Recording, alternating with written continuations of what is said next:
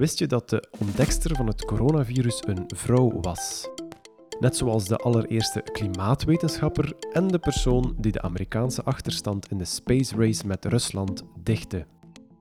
Drie vrouwen met een enorme impact op de wetenschap, maar ook drie vrouwen die soms onbewust, maar even vaak moedwillig werden vergeten. Wetenschapsjournaliste en deeltjesfysicus Margriet van der Heijden schreef er een boek over. In deze aflevering vertelt ze het verhaal van wetenschapsheldinnen June Almeida, Eunice Foot en May Sherman. Dag Margriet. Hallo. Je bent auteur van het boek Ongekend uh, over vrouwen in de natuurwetenschap die over het hoofd werden gezien. Waar haalde je de inspiratie of de motivatie om dit boek te schrijven? Eigenlijk uh, tweeledig. Uit, uit, mezelf en mijn eigen ervaringen als natuurkundige in het onderzoek en, en in, in banen daarna. en, en ook uit anderen. Ik heb in, ik geloof 2013, toen was ik nog wetenschapsredacteur bij NRC, de, de Nederlandse krant. En uh, daar heb ik toen een opiniestuk uh, voor geschreven van uh, natuurkunde is niks voor een vrouw. Hè? Dus eigenlijk met een uitdagende kop die het stereotype wat heerst bevestigde. En daar heb ik een aantal van mijn eigen ervaringen in beschreven die ik gehad had gedurende nou ja, op de middelbare school, mijn studie, toen ik ging promoveren, toen ik postdoc werd, eigenlijk met elke stap die ik zette in, in de wereld van het onderzoek in de natuurkunde. En uh, dat is het stuk uh, waarop ik uh, van alle stukken die ik ooit heb geschreven, dat zijn er best wel veel, de meeste reacties heb gekregen. Dus toen ontdekte ik, ja, ik ben helemaal niet de enige die tegen dit soort ja, vooroordelen aanloopt. En toen heb ik eigenlijk pas het onderwerp echt opgepakt. Ja, dus die, die vooroordelen in, in de podcast Wetenschapsheldinnen had het vaak over vrouwen die 50, 100, 200, 300 jaar mhm. geleden uh, aan wetenschap deden. Maar die vooroordelen, uh, dat merk je vandaag nog altijd als vrouw in de wetenschap. Ja, nou, ik denk dat de laatste decennia er wel uh, veel is verbeterd. toen ik studeerde, dat was in de jaren 80. En dat was in Nederland. En ik denk dat dat ook geldt voor Vlaanderen en bijvoorbeeld ook voor Duitsland. Het, de periode eigenlijk met met uh, in elk geval van de 20e eeuw de minste vrouwen in de natuurwetenschappen. Dus wat ik eigenlijk ontdekte later pas, hè, toen ik er naar ging kijken, is dat uh, in de jaren 1910, 1920 er in Nederland meer vrouwen natuurkunde studeerden dan in de jaren 80. Dus het was ook wel um, op een dieptepunt misschien, maar ja, uh, absoluut. En uh, ik denk dat ook vrouwen die nu werkzaam zijn nog steeds tegen vooroordelen aanlopen. Maar wat je ziet is dat wel steeds heel langzamerhand steeds meer vrouwen doordringen weer tot, uh, ook tot de hogere functies in de natuurwetenschappen. Uh, het boek gaat dus over vrouwen uit de natuurwetenschap die over het hoofd werden gezien door de geschiedenisboeken. Hoe vond jij ze dan wel terug? Ja, nou ten dele. Uh, het boek is eigenlijk voortgekomen uit, in eerste instantie uit een serie die ik voor NRC heb gemaakt. Uh, dat was een beetje geïnspireerd, had ik een beetje afgekeken van uh, New York Times, die had um, waarin ze zeg maar necrologieën gingen, gingen schrijven van mensen die eerder geen necrologie hadden gekregen bij hun overlijden in de krant, maar die dat eigenlijk wel verdiend had. Dat was in heel brede zin, hè? mannen, vrouwen, historisch, recent. En toen dacht ik, hé, hey, dat is misschien leuk om zoiets te gaan doen voor vrouwen in de natuurwetenschappen. Sommige namen kende ik al gewoon uit mijn eigen vakgebied. Ik ben deeltjesfysicus, ik heb mijn promotieonderzoek op CERN gedaan. En zo ken ik bijvoorbeeld de naam van Chen Chung Wu, die uh, uh, ja, het principe van pariteitsschending is een heel belangrijk uh, principe in de deeltjesfysica. Een asymmetrie die eigenlijk verklaart waarom er iets meer materie dan antimaterie in het heelal is overgeschoten Normaal zouden materie en antimaterie elkaar volledig vernietigd hebben. Uh, en zou er alleen maar energie zijn in het heelal. Maar door die asymmetrie is een beetje materie overschoten, waardoor er sterren zijn en planeten en wij en bomen. um, en en, en dat, die pariteitsschending, dat, die is experimenteel bevestigd door Chen Qingwu. En iedereen vond, die had een Nobelprijs daarvoor moeten krijgen, maar zij was gepasseerd. Um, door over haar te schrijven kreeg ik bijvoorbeeld bij NRC een lezersbrief van, nou, er zijn nog meer uh, echt top Chinese onderzoekers, bijvoorbeeld uh, Li Shijia, die als eerste in China een windtunnel liet bouwen en die ooit in Europa gepromoveerd is. Dus de lezers hielpen me ook op weg. En ja, soms was het een kettingreactie, bijvoorbeeld, um, ik denk heel veel mensen Madame du Châtelet kennen, kennen uit het begin van de 18e eeuw, hè, die de werken van Newton ook van het Latijn naar het Frans heeft uh, vertaald. Um, en ik wilde haar dus niet in die serie opnemen, omdat ik dacht, ja, zij is eigenlijk wel gekend en niet zozeer ongekend. Uh, maar door toch even te kijken naar haar levensloop, stuitte ik op uh, Laura Bassi, een tijdgenoot die tegelijk met haar lid was van de academie in Bologna en die de eerste natuurkunde-hoogleraar, vrouwelijke natuurkunde-hoogleraar uh, ooit was. Dus ja, het was een beetje een sneeuwbaleffect aldoende. Emilie Duchatelet komt ook in een andere aflevering van Wetenschapsheldinnen aan bod trouwens. Oh, leuk. Uh, ja, dus ja. daar gaan we ook dieper op in in een andere ja. aflevering. In uw boek las ik onder andere ook het verhaal van June Almeida, uh, zij maakte als eerste in, in 1969 eh, met een elektronenmicroscoop een afbeelding van een coronavirus. wie was June Almeida nog? Ja, June Almeida is leuk dat je die hebt uitgekozen. het is een, een leuk voorbeeld van eigenlijk een 20e eeuwse, hè, want mijn boek gaat door de eeuwen heen, natuurwetenschapper. Uh, die niet alleen uh, als vrouw doordrong, maar ook als eigenlijk een, uh, wat we nu noemen eerste generatie student. Want ze was de dochter van een buschauffeur uit Glasgow. En zij begon dus echt onderaan de ladder als laborant op de 16e in een ziekenhuis in Glasgow. Maar zij had kennelijk ja, een enorme nieuwsgierigheid. Uh, en wilde verder, wilde meer. Dus ging uh, verhuizen naar Londen, waar ze in een, uh, een, een, ziekenhuis van, van meer aanzien als laborant kon werken. Ontmoette daar een Venezolaanse, zo'n struikelwoord, Venezolaanse man. een kunstenaar, Enrique Almeida, haar eigen achternaam was Hart, June Hart, waarmee ze trouwde en naar de, Canada ging. En daar ging werken in Ontario in een ziekenhuis. En daar mocht ze met een uh, elektronenmicroscoop gaan werken van Philips. Dat was destijds een nieuwe techniek. Hè. In een gewone microscoop gebruik je lichtgolven. Die je uh, op een preparaat laat vallen en die dan aan dat preparaat een beetje verstrooien. En uh, door, uit die mate van verstrooiing kun je dan een afbeelding reconstrueren. Um, als je elektronen gebruikt, dan uh, volgens de kwantummechanica hebben deeltjes ook een golfkarakter, maar die hebben kortere golven. En dan kun je fijnere details mee zien in je afbeelding. Dus die stelden mensen in staat om bijvoorbeeld virussen af te beelden die zich in weefsels uh, bevonden. En uh, Almeida die bleek daar heel erg vaardig in en ontwikkelde ook nou, ze ontwikkelde dus niet die elektronenmicroscoop zelf, maar wel methodieken om zeg maar um, de mogelijkheden van zo'n elektronenmicroscoop tot het uiterste te benutten. Waardoor zij ook gewoon, ondanks haar eigenlijk beperkte uh, opleiding, uh, toch uh, co-auteur mocht worden van publicaties. En toen naar Londen werd teruggehaald door ehm, een voormalige nou ja, collega of, of baas of chef zou je kunnen zeggen. En uiteindelijk heeft ze in Londen op grond van, van haar publicaties een doctoraat gekregen. En, uh, en, dus, en daar ook met collega's, zoals je zei, in 1967 een afbeelding gemaakt van een aantal virussen, waaronder het coronavirus. En een jaar later in, in Nature, hè, een prestigieus wetenschapsblad, heeft ze ook met een aantal anderen voorgesteld om dit tot nu toe nog niet gekarakteriseerde virus inderdaad het coronavirus te noemen, omdat het een beetje als een kroontje eruit ziet. Ja, zeker als we dan kijken naar wat er in de jaren daarna kwam, de, de enorme pandemie uh, met een coronavirus ja. in de hoofdrol. Um, die, haar impact op de, de virologie was dus gigantisch, doordat ze die, die foto al kon maken. Heeft ze daar ook voldoende erkenning voor gekregen? Ja, dat is een lastige vraag. Uh, ik denk als je uh, in het algemeen aan virussen denkt dat weinig mensen met namen van ontdekkers uh, op de proppen zullen komen. ze heeft behalve het coronavirus ook bijvoorbeeld het rode hondvirus en hepatitis B-virus heel goed ja, kunnen afbeelden. En die foto's zijn wel in allerlei leerboeken van de virologie terechtgekomen. Maar anders, bijvoorbeeld dan haar collega's met wie zij die publicaties heeft geschreven, is ze nooit hoogleraar geworden.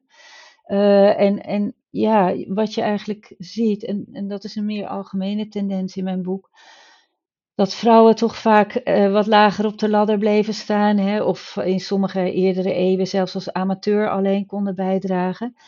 En dan raak je sowieso sneller in de vergetelheid. Want wie onthouden worden van de hoogleraren, worden mooie portretten gemaakt die dan in een senaatskamer aan de muren komen te hangen. En, de, en die staan ergens genoteerd op lange lijsten. En hetzelfde geldt als je prijzen krijgt. Dus inderdaad zal zij, misschien als ze hoogleraar geweest was, uh, uh, uh, zal haar naam, oh, denk ik, vaker genoemd geweest zijn dan, dan nu. Ja, anderzijds, haar portret hangt nergens, maar het portret van een coronavirus uh, is wel op heel veel plaatsen opgedoken de voorbije jaren. Ja. dus daar, daar kan ze dan misschien uh, ja. uh, wat eerherstel uithalen, ook al wordt er naam er dan niet aan gelinkt. Um, deze podcast gaat over wetenschapsheldinnen. Waarom zou je June Almeida een wetenschapsheldin noemen? kijk, niet elke vrouwelijke wetenschapper is, een, is een, natuurlijk een een, heldin. Hè? De, uh, in mijn boek wilde ik, wilde ik echt een, een hele uiteenlopende selectie van vrouwen laten zien. Want vrouw, uh, ja, uh, hoe moet ik het zeggen? In, in, in de wetenschap is heel lang de geschiedschrijving ook gebeurd door mannen over mannen. En dan vaak was dat heel hagiografisch. En daar wil ik wel ver van blijven. Maar ik denk dat we Almeida wel een heldin mogen noemen. Ik vind het zelf enorm knap en ook uh, inspirerend, maar uh, ja, vooral heel bewonderenswaardig. Dat je als dochter van een buschauffeur uit een arme wijk en dan als laborant en dan uit interesse en met zo'n drive zo ver uh, kan komen. En um, ja, ze heeft ook een, een interessant leven geleid met een man als kunstenaar. En na haar pensionering is ze zich heel erg gaan verdiepen, bijvoorbeeld in, in yoga. En uh, het was ook een veelzijdig iemand. Ze komt ja, over als een, een, een, een veelzijdig, sprankelend, heel gedreven en, en ja, natuurlijk ook super slim iemand. In je boek uh, komt ook Eunice Foot uh, aan bod. Uh, je, je noemt haar de eerste klimaatwetenschapper. Waaraan dankzij die titel? ja, nou, ik noem haar zo. daar heel, ze wordt heel vaak niet zo genoemd. Zij heeft in 1856 een, um, heeft zij niet zelf, maar heeft een, een, een, een kennis, een, uh, een natuurkundige, voor de American Association for the Advancement of Science, voor de jaarlijkse bijeenkomst daarvan, een paper van haar voorgelezen. Eunice Food uh, werd in de 19e eeuw in 1819 geboren. En mocht toen naar een van de women's colleges die destijds in de Verenigde Staten kreeg. En kreeg een tweejarige opleiding met onder andere veel natuurwetenschappen. Haar meisjesnaam was Newton. Misschien was ze wel nog familie van een beroemde Newton in de verte. En ze heet Food vanwege haar man, Elisha Food. En haar man was wel lid van de American Association for the Advancement of Science. Maar vrouwen werden daar in het algemeen geen lid van. En haar man was rechter, maar was geïnteresseerd in natuurwetenschappen, net als zij. En thuis deden zij experimenten. Uh, niet gezamenlijk, maar elk een eigen set experimenten. En het paper wat van haar werd voorgelezen ging over een experiment dat heel simpel te beschrijven is, waarin ze eigenlijk gewoon ja, grote potten, je zou oneerbiedig bijna kunnen zeggen wekpotten, maar het waren glazen cilinders vulde met uh, vochtige lucht, met droge lucht en ook uh, met uh, hoge concentratie CO2. Hè. Dat kun je vrij gemakkelijk maken. En die koelden ze tot dezelfde temperatuur en zetten ze daarna in de zon. En dan mat ze hoe, hoe, hoe, hard en hoe hoog de temperatuur steeg.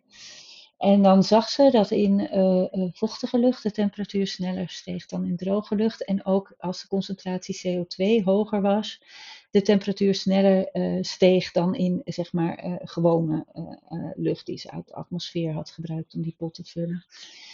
En zij schrijft dan in haar paper die bevindingen op en dan koppelt ze dat ook aan de atmosfeer van de aarde. Dan zegt ze van uh, stel dus dat in het verleden, zoals wel wordt gesuggereerd in de atmosfeer, zich meer CO2 bevond, hè, hogere concentratie CO2 bevonden dan nu, dan zou dat betekenen dat het toen op aarde gemiddeld wat warmer geweest zou kunnen zijn. Dus dat is eigenlijk ja, wat we nu zien als hè, het, uh, het, broeikaseffect, het manteltje van de atmosfeer dat, dat de aarde warm houdt en misschien te warm maakt in de toekomst. Ehm, ja, dus daarom noem ik haar zo, want zij was de eerste die, die, die, die dat zo heeft opgeschreven. Het waren natuurlijk hele simpele experimenten. Mensen hadden nog niet echt een idee wat warmte was, dat het infraroodstraling was die die overdroeg. En um, haar, uh, nadat haar paper was voorgelezen, werd het ook gepubliceerd in de American Journal of Science. Dat werd ook in Europa gelezen en een aantal keer overgedrukt, waarbij ze dan soms uh, alleen maar als vrouw van Elijah Food werd uh, genoemd, maar goed. Uh, maar het werd niet afgedrukt in de Philosophical Magazine. Um, in, in Engeland. En een van de redacteuren daar was John Tyndall. En het is eigenlijk een open vraag of hij ook betrokken was bij de afwijzing van het artikel. Feit is, en dat, die vraag kunnen we nooit meer beantwoorden, denk ik. Maar feit is dat hij drie jaar later, in 1859, uh, eh, een paper schreef dat. Um, in uh, lucht met hoge concentratie CO2 de temperatuur sneller steeg. Maar hij had de beschikking over een heel lab. Dus hij kon dat ook beter en preciezer doen. En dat had natuurlijk Food niet. Dat schrijft ze zelf ook van. Ik zou het eigenlijk preciezer willen doen, maar ik had de middelen niet. Zij deed het gewoon thuis. En uh, nou ja, wat, uh, wat is gebeurd is dat John Tyndall was eigenlijk een geoloog. Die nooit uh, verder over de atmosfeer schreef. En eigenlijk alleen dit paper daarover heeft gepubliceerd. Daarna ook weer naar de geologie terugkeerde. Ik heb de laatste keer een lezing gegeven, heb ik het opgezocht naar, naar Tyndall, zijn vulkanen, bergtoppen. Van alles is er naar hem vernoemd, maar ook uh, klimaatinstituten in het Verenigd Koninkrijk dragen zijn naam. Uh, ja, en niet die van Food.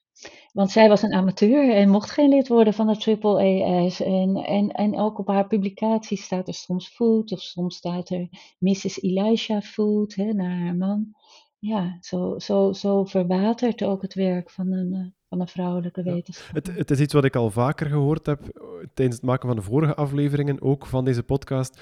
Een vrouwelijke onderzoekster uh, ontdekt iets of toont iets aan met beperkte middelen en een mannelijke wetenschapper aan een, een hoger instituut ja, steelt uh, die ideeën of die inzichten om er zelf mee aan de slag te gaan en die wordt ermee bekend.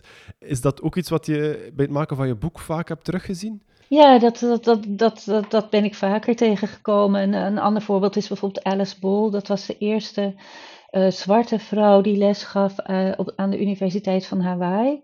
En um, in de avonduren, ze was scheikundige, had ook wat farmacologie gedaan. En in de avonduren uh, een onderzoek deed waarbij ze hars uit een bepaalde boom, wat effectief leek te zijn tegen lepra, uh, maar dat was olieachtig. En zij uh, zorgde ervoor dat het werkzame bestanddeel in water oplosbaar gemaakt kon worden en dan geïnjecteerd kon worden. En dat was niet echt 100% afdoende tegen lepra, maar bij een heel aantal mensen wel stopte het de ziekte, waardoor ze eigenlijk duizenden mensen uit leprakolonies heeft gehouden. Maar zij uh, overleed heel jong op een, een, beetje raadselachtige wijze door een soort ongeluk in het lab. En de, de, de decaan van de faculteit, die toevallig ook als achternaam Dean had, de Dean die heette ook Dean, um, die uh, publiceerde haar werk en uh, begon ook een fabriek en had een soort patent en ja, maakte dat medicijn. En het heeft echt honderd jaar geduurd voordat zij volledig in ere is hersteld.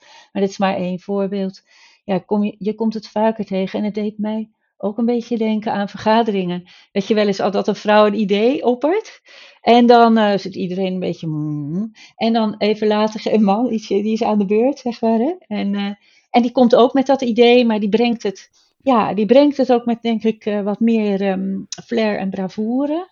En dan is het, oh ja, goed idee. dat is toch ook wel een bekend ja. fenomeen. Ja, het is het is soms, bij, in het geval van Alice Bol, was het wel echt een beetje diefstal, vind ik. In zoiets als bij Tinder, soms vraag je ook af, misschien gaat het haast wel onbewust. Ja, ja, ja, ja, omdat toch iets blijft plakken. Maar het is wel een feit dat het, dit soort verhalen vaak, uh, vaak terugkeren. Ja. Uh, een andere vrouw uit je boek, uh, niet dat ze iets gelijkaardig meemaakte, maar ze werd wel een beetje doodgezwegen, was Mary Sherman Morgan. Uh, zij, we zitten nu in de ruimtevaart en zij werkte mee aan het uh, Amerikaanse ruimtevaartprogramma.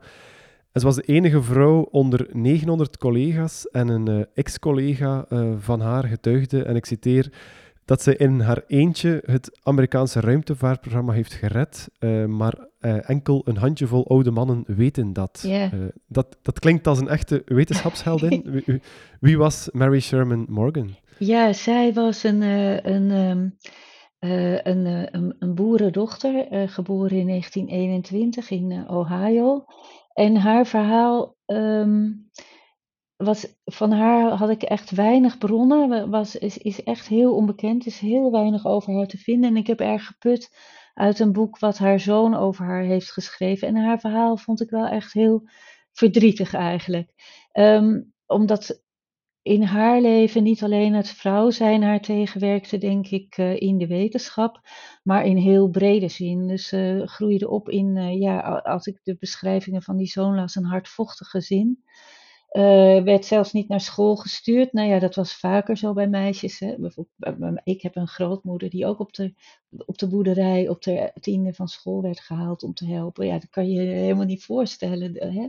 Maar eh, Mary Sherman, die, daar kwam uh, uiteindelijk een, sociaal werker langs en moest op de achtste toch naar school. En het was een heel eind weg en dan moest ze met een, een, een pony of een paard, geloof ik. Het was echt een treurig verhaal. Maar ze was kennelijk wel heel slim, dus ze mocht gaan eh, studeren bij uh, Mano State University. En daarna is er een soort onduidelijkheid dat ze heeft die studie niet afgemaakt. Het de Tweede Wereldoorlog was ook uitgebroken.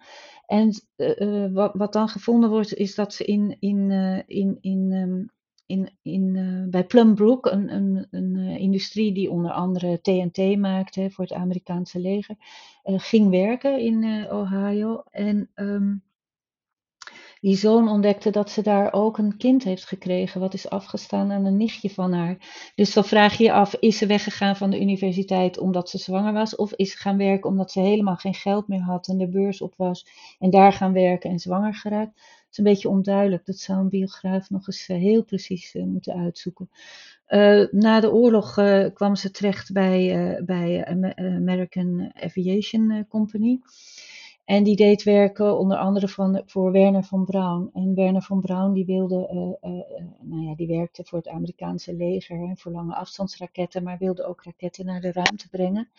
En die legde de vraag neer bij het bedrijf waar Sherman werkte: van ontwikkel een, een brandstof die de mijn raketten, dat waren Jupiter-raketten, naar de ruimte kunnen brengen. En dat was een moeilijke opdracht, want je had dan brandstoftanks met een bepaalde afmeting en dat legde al vast de verhouding waarin je die brandstof met zuurstof uit een andere tank kon mixen en zo. Hè. Dus de, de, de, de vormgeving van de raket legde heel veel stringente randvoorwaarden op. En op een of andere manier uh, ja, werd haar gevraagd om daar aan te gaan rekenen. Dus uh, was niet alleen de enige vrouw, maar ze was ook de enige die niet, of een van de weinigen die niet een echt ingenieursdiploma had, maar kennelijk wel heel goed. En ze heeft toen uh, uh, voorgesteld, de raketbrandstof, ja, een mengsel van 60, 40 procent van twee componenten. Waarmee uiteindelijk uh, de Juno 1, opvolger van, uh, van de Jupiter-raketten, uh, als eerste een satelliet uh, om de aarde in de ruimte heeft gebracht vanuit de VS. Hè, want de Russen waren natuurlijk met de Sputnik een jaar eerder. En daar, vandaar dat ze zeggen, ze heeft het gered. Ze heeft de eer gered. Want het was natuurlijk een, een schok in de Verenigde Staten dat de Russen ineens, die, dat er ineens een Sputnik uh, rond de aarde draaide. ja. Ze, ze, heeft de eer gered van de Amerikaanse ruimtevaart, maar ze heeft daar zelf niet echt eer voor gekregen, want ze was zelfs compleet vergeten. Ja. Was dat opnieuw, was dat bewust? Hebben ze haar genegeerd en weggestopt? Of is het ook eerder ja, eh, een, een kwestie van, van uh, ja, wat onbewust vergeten, uh, tussen de plooien gevallen? Uh, zoals ik al zei, er werken 900 mensen. Ja. Dat ze gewoon vergeten is, haar bijdrage? Ja, het is weer een beetje hetzelfde verhaal. Dingen gaan misschien niet per se altijd expres. Ik heb in mijn boek in de inleiding Abraham de Zwaan geciteerd hè, van we hebben allemaal vanaf onze geboorte het fijnstof ingeademd van de sociale discriminatie die ons omringt en waar we uh, deel van uitmaken.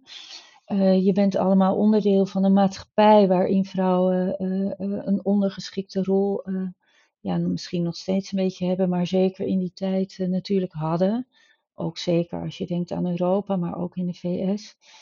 Ehm, en je ziet dat eigenlijk ja, in haar hele leven eh, eh, terugkomen. Hè. Kennelijk als meisje in de eerste instantie gedacht niet de moeite waard naar school te gaan.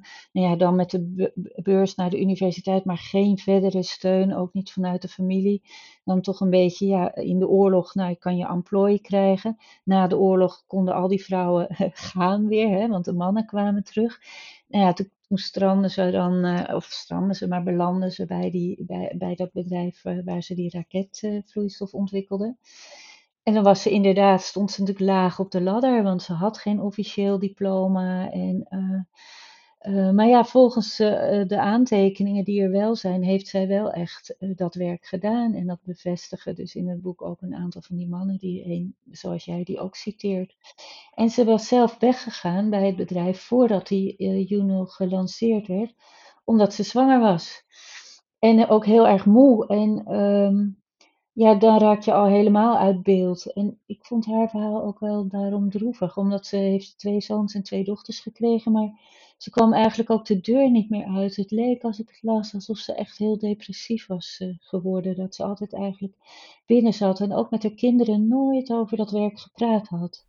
Dus die zoon was stom verbaasd toen hij het hoorde. Ja, ja. Ze, heeft het in principe zelf ook wat uh, doodgezwegen dan, omdat ze het helemaal moe was. Ja, dat, ja. ja zij is intrigerend. En ik heb natuurlijk uh, uh, vrij korte portretten gemaakt en ik heb ook echt een breed overzicht willen bieden. Maar zij is nou echt zo iemand, en zo zijn er meer vrouwen waarvan je denkt, daar zou iemand nog eens helemaal in moeten duiken. Ja, in een ander boek, uh, Denken is verrukkelijk, uh, heb je het ook over het leven van uh, Tatjana Afanasieva en haar man Paul Ehrenfest. Misschien eerst, wie waren die twee wetenschappers? Ja, Paul Ehrenfest en Tatjana Afanasieva die woonden in Leiden in een enorm huis waar ik wel eens langs gelopen was. En zij waren daar in Leiden beland omdat in 1912 uh, Paul Ehrenfest uh, benoemd werd tot opvolger van uh, Hendrik Lorentz, de beroemde theoretisch natuurkundige Nobelprijswinnaar en voorzitter van de Saclay bijeenkomsten. De eerste was in 1911 in Brussel. En, en, en natuurlijk, ze zijn heel beroemd omdat Bohr en Einstein daar later allemaal kwamen. En Ehrenfest was ook een van de mensen die daaraan deelnam. Uh, Ehrenfest was voor ze naar Leiden togen opgegroeid in, in, in Wenen als jongste nakomertje echt in een geassimileerd Joods gezin. En had daar gestudeerd natuurkunde en was naar Göttingen gegaan om, om nog, zich nog verder te verdiepen in wiskunde en natuurkunde. Göttingen was een soort mekka. En daar ontmoette hij Afanasjewa, die in Petersburg door haar oom en tante was opgevoed. Haar vader was jong overleden, haar moeder was heel jong. En denk, ik denk uit een minder goed milieu. Uh, daar wijst alles op dan die oom en tante. Dus die was ja, uit werken gegaan om zichzelf te onderhouden. En Afanasjewa was in een heel goed milieu in Petersburg opgegroeid. En had daar de hogere leergangen voor vrouwen gevolgd. Een vierjarige opleiding met ook veel wis- en natuurkunde. En was ook naar Göttingen gekomen om zich verder in de wis- en natuurkunde te verdiepen. Uh, is toen nog gepromoveerd, Afanasjewa niet meer. Ze zijn getrouwd. Eerst hebben in Wenen gewoond, in Göttingen, in Petersburg en toen in Leiden beland. En ik heb eigenlijk in die dubbelbiografie willen laten zien hoezeer hun levens verweven waren. Hoezeer zij ook uh, elkaars werk beïnvloeden, ook een aantal publicaties samen hebben geschreven. En ik heb dat ook willen doen omdat in Leiden we nog steeds de uh, hebben uh, mensen het Ehrenfesthuis kennen. En Afanasjewa eigenlijk altijd een beetje werd weggezet. Nog in 2015 is een stripboek over Ehrenfest uitgekomen. En dan Afanasjewa loopt daarin rond in een witte blouse met een strik. En ik geloof dat ze één keer iets zegt. Terwijl zij ook allerlei uh, wetenschappelijke publicaties op haar naam heeft, die tot op de dag vandaag nog bediscussieerd worden. Zou je ook Afanasjewa kunnen omschrijven als een wetenschapsheldin?